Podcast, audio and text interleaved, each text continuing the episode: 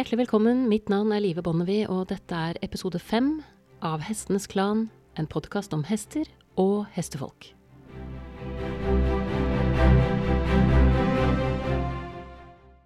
I dag har jeg invitert med meg en gjest i studio. Eller for å være mer presis, jeg har forsøkt å invitere ham i studio, men av karantenebestemmelsene så har vi måttet gjøre intervjuet over internett. Dagens gjest er bosatt i Sverige, opprinnelig fra Bergen. Han er av mange regnet som en norsk legende innenfor dressursporten. Andre regner ham kanskje som en litt eksentrisk rebell, hva vet jeg. Jeg regner ham først og fremst som en eh, interessant eh, trener med et eh, interessant perspektiv på hestevelferd, og en fyr som det er veldig interessant å ta en prat med for å lære, lære mer om det som er hans fag.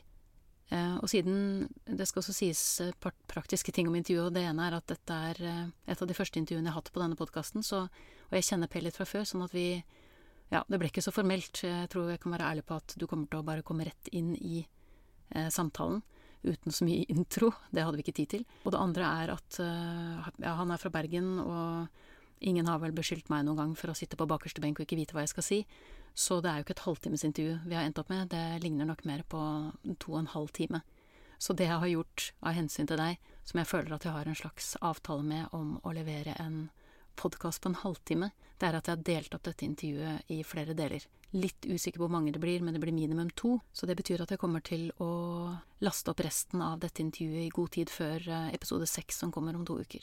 Så da gjenstår det vel bare å trykke på gassen og si vær så god. Og de fleste dressyrryttere tror faktisk at de er snille med sine hester. Og jeg, og jeg kanskje tror det selv også, hvem vet.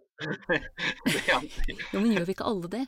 Altså Hvis man virkelig er glad i hesten sin og, og har lest seg litt opp på hva en hest er, og begynt å bygge seg opp en viss erfaringsbase og har et bevisst forhold til velferd. Altså, vi prøver så godt vi kan, og så håper vi jo at det er godt nok. Og så, eh, hvis man er litt følsomt anlagt, sånn som jeg er, så vil man jo alltid føle på at man kunne gjort mer. Så eh, velferd blir en bit av denne samtalen, helt klart. Eh, jeg tenker vel at enten så eh, starter vi med å snakke om dressursporten, eller så kan vi godt snakke om deg og Lisbeth Salander, som jo er noe jeg gleder meg veldig til. Det, det, ja, det kan det, det bestemmer du. Det er hipp som haps. Hvis jeg får velge, så tenker jeg at vi starter med dressursporten. Og da, da, tenker jeg at jeg har lyst til å si litt om hvor jeg står, for, for jeg vet jo veldig godt hvor du står. Jeg har jo absolutt ridd piaff, piruetter, enebytter og passasje, og syns jo det er supert. Men når det er sagt, så, så er jeg rett og slett først og fremst en hobbyrytter som liker meg aller best i skogen, langt unna pokaler, rosetter og applaus, altså så langt unna de tingene som jeg kan komme. Så jeg ser jo nødvendigvis dressuren fra et helt annet perspektiv enn ditt, og det er jo litt av grunnen til at jeg har invitert deg inn hit i dag. Fordi jeg har lyst til å utvide min horisont. Jeg ser dressursporten på veldig stor avstand. Eh, du kan nesten forestille at jeg ser på den gjennom en kikkert fra skogen, og dermed har jeg uunngåelig et blikk som, som alle andre som er farget av hvor jeg står. Men hvis jeg skal si noe generelt om det jeg ser, eh, og ta utgangspunkt i stevnet som jeg har vært på de siste ti årene, og da mener jeg uansett disiplin, så er litt av utfordringen for meg at jeg syns det er veldig langt mellom ekvipasje som jeg får en god følelse av å se på, altså ekvipasje som, som gjør meg glad, eller virkelig inderlig begeistret. Jeg syns, eh, for å være helt ærlig, at det er litt for langt mellom dem.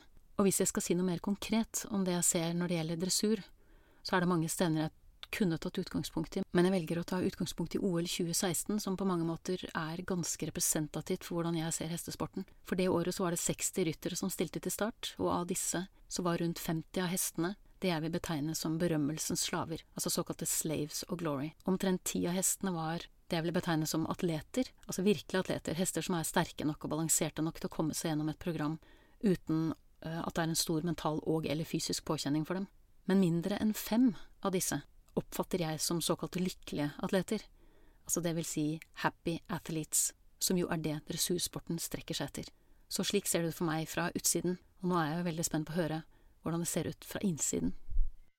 Um, nå, nå, vil vel de færreste regne meg som innsiden av dette. De, de fleste i sporten eh, regner vel meg som litt ek ekstremist eh, i det her. Og det er vel egentlig fordi jeg ser ikke sporten som noe, noe hellig som eh, må bevares til enhver kost. Eh, jeg ser på sporten mer som eh, noe som fint kan eksistere under visse omstendigheter. Og de omstendighetene må være at hesten har det bra.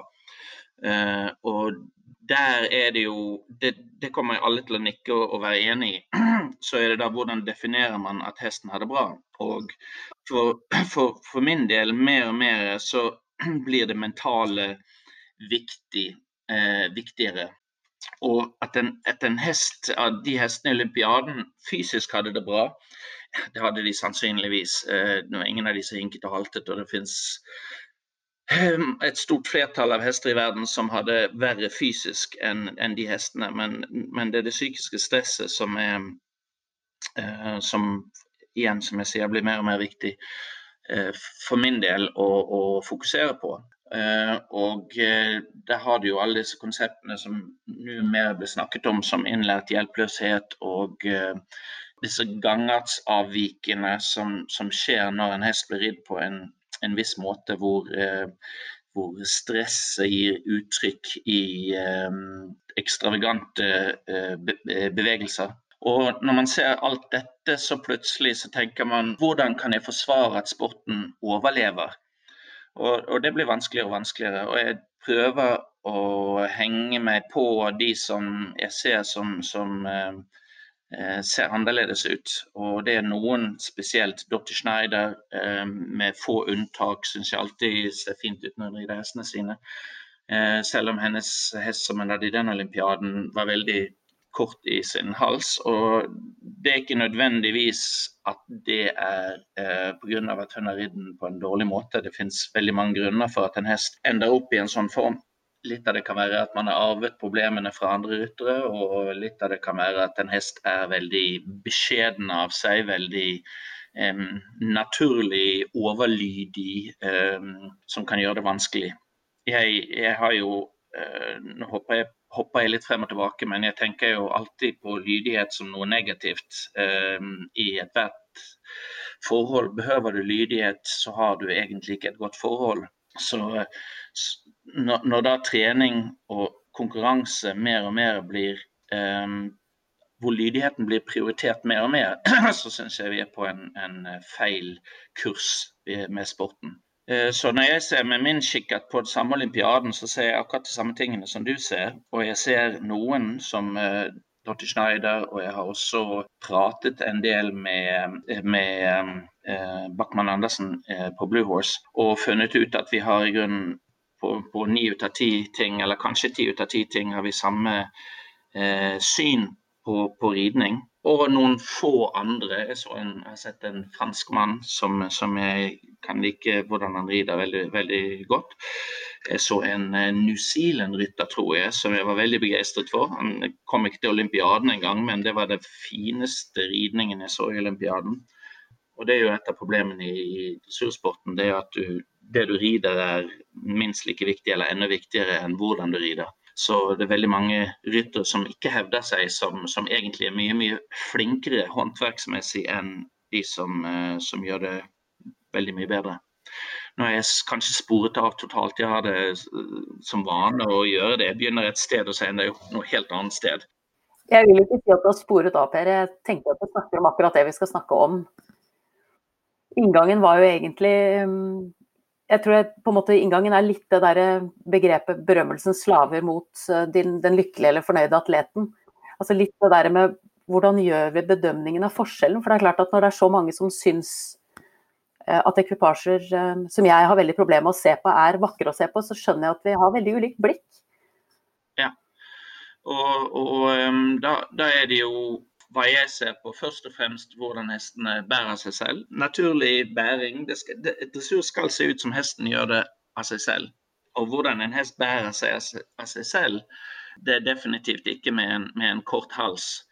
Og jeg husker når jeg konkurrerte Fortune, så hadde jeg alltid problem med at han gikk litt for kort, litt for stram i halsen. Det var på den tid Eh, når jeg sammenligner med i dag, så var vel han egentlig ikke um, kort i halsen i det hele tatt. Men, men eh, 10-15 år siden så bedømte man eh, annerledes.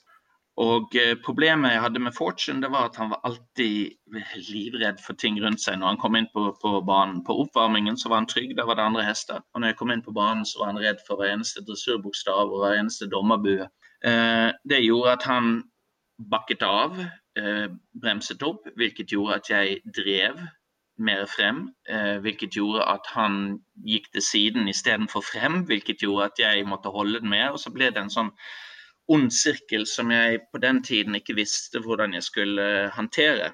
Senere i livet med Fortune så fant jeg egentlig begynt å finne løsningen når han var 19-20 eh, år gammel. Jeg konkurrerte han jo til han var 19. Og det 20. året det var da vi flyttet til Sverige. og Jeg hadde egentlig med boksbygning og fasilitetene her nede, så hadde jeg ikke tid til å holde han i form. Og det, det kostet dyrt. fordi å få en 20 år gammel hest tilbake i form, det var ikke så lett, fant jeg ut. Så eh, det ble ingen stevner når han var 20, 21, 22, hvilket jeg hadde håpet. Men mitt punkt var at jeg, jeg fikk trekk pga. at han var kort i halsen, og det skulle jeg få. Det burde jeg ha fått. Og jeg vet grunnen til at det var ikke at, jeg ville ha han på den måten. Det var ikke pga. lydighet. Jeg har aldri vært en, eh, en, eh, praktiserer av hva som kalles rollkyr. Ehm, jeg ville ikke ha han kort i halsen, jeg ville ikke ha han underdanig på noen måte. Men i dag når man ser hester som rører seg på med forskjellige avvik, eh, så forsvares det som ja, men det er bare en liten del av det hele. At den har kort hals, det er bare en liten del av det hele av hva vi bedømmer. At den eh, har mye større bevegelse i sine fremben enn sine bakben. Det er bare en liten del av hva vi bedømmer. Eh, vi må bedømme helheten. Eh, dette hva dommerne tenker eller sier. Eh, vi må bedømme helheten. Og hvis den hadde gjort sånn og sånn, så ville den få ti, og den får ikke ti. Den får bare ni eller åtte. Og det er en måte å se på det som jeg, for, for meg blir feil. Hvis du har som grunnlag um, code of conduct, hvor hestens velbefinnende er det overordnede uh, viktigste punktet. Så mener jeg at du må si at når en hest rører seg med et rørelsesavvik, altså en hest som gjør ekstreme bevegelser fremme og ikke Jeg skal forklare litt hvor, hvorfor en hest uh, gjør det, og hvorfor det er unaturlig. Og en dommer drar ned fra ti for frembena, gjør en økning til ti til en syv fordi at bakbena gjør et arbeidstrav så mener jeg at det burde trekkes ned til fem, fordi at det er, um, det er en urenhet i gangen på samme måte som den hadde haltet. Bare at det er, det er produsert eh, gjennom trykk og gjennom at hester som er meget smart Mange tror at hestene deres er dumme, men de er veldig smart. De er bare smart på et annen måte enn oss. Og eh, jeg pleier å si på, på, gøy at de er mye smartere enn oss, for du ser aldri en hest som kjører bil og snakker på mobiltelefonen samtidig, eller tekster. Eh, de, er bare, de er veldig flinke til å overleve.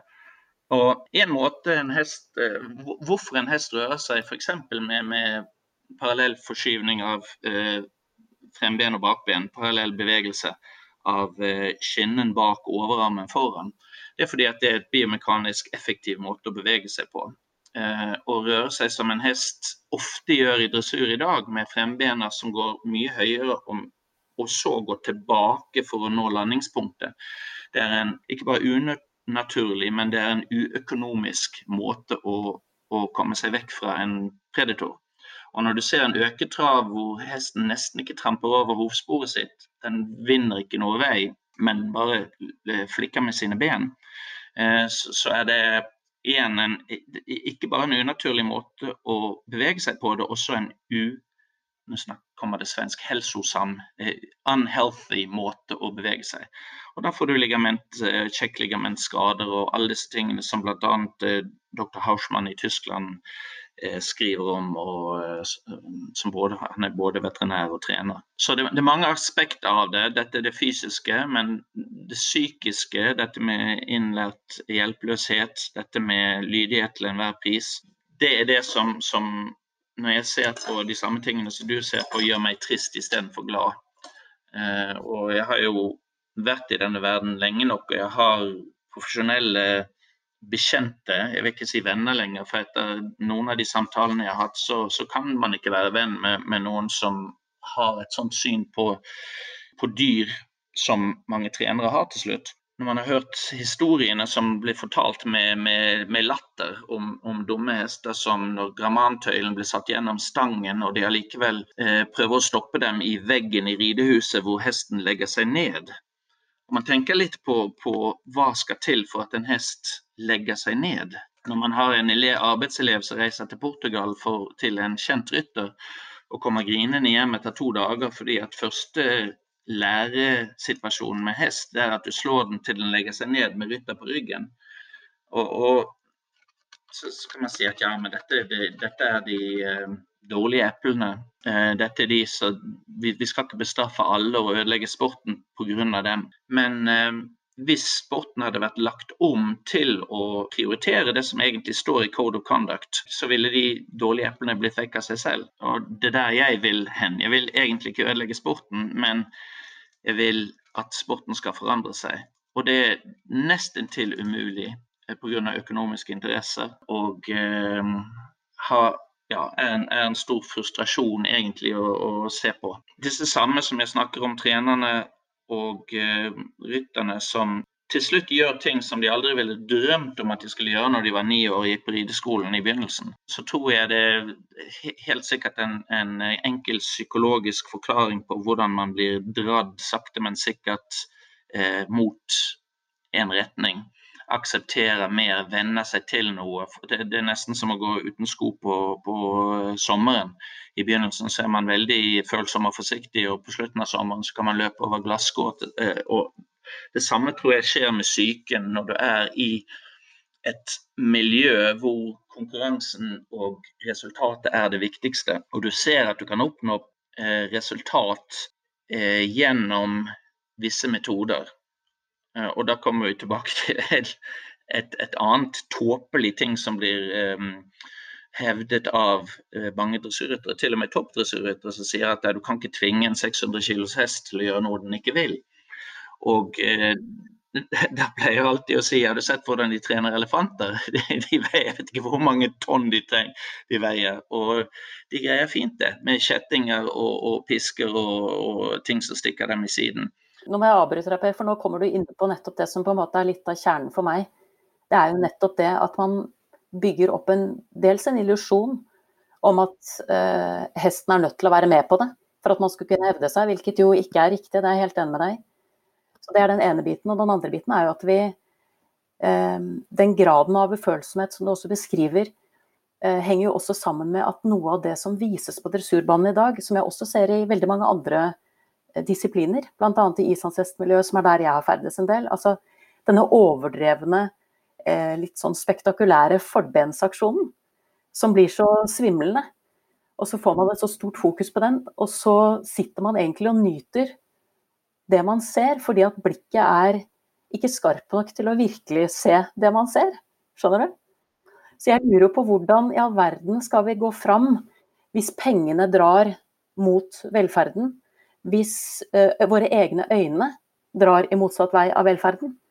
Og hvis dommerne betaler karakterer, gode karakterer, i motsatt retning av det som faktisk er, som du sier, det naturlige bevegelsesmønsteret til hesten? Hvordan skal man på en måte For jeg vil jo heller ikke sporten til livs. Ikke sant? Jeg syns jo ikke det er noe som er vakrere enn en ekvipasje som er i perfekt samspill, som jo er det dressur bør handle om. Men det er bare det at det er så få av dem at Ja, og jeg, nå har ikke jeg sittet og slitt ned benkene i dressurkonkurranse, men jeg husker jo hvordan det var i gåsehudene i gamle dager for 20 år siden, hvor det var veldig sånn smekkfulle tribuner. Um, og hvor vi hadde det mye hyggeligere når vi var på stevner. Det var kanskje fordi vi så dårligere, det er jeg ofte lurt på, men det, en, det har skjedd noe, rett og slett.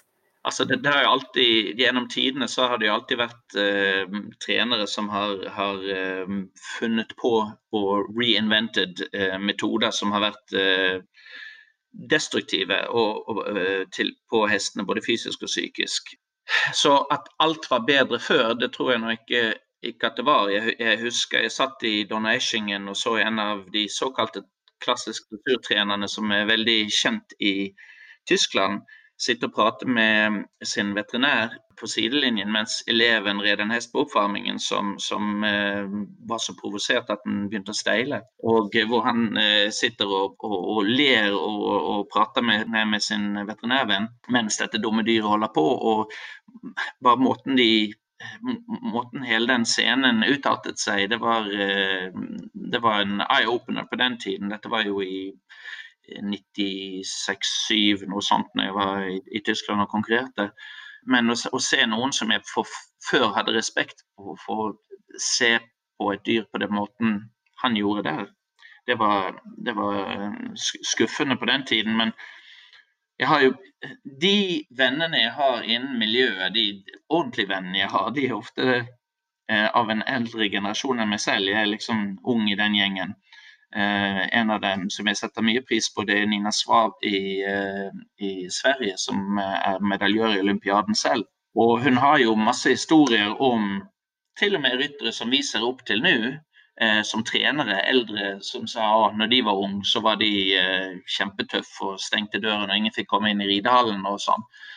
Så altså, det, det, det, har jo alltid vært tøffe eh, ryttere som har fått til resultat.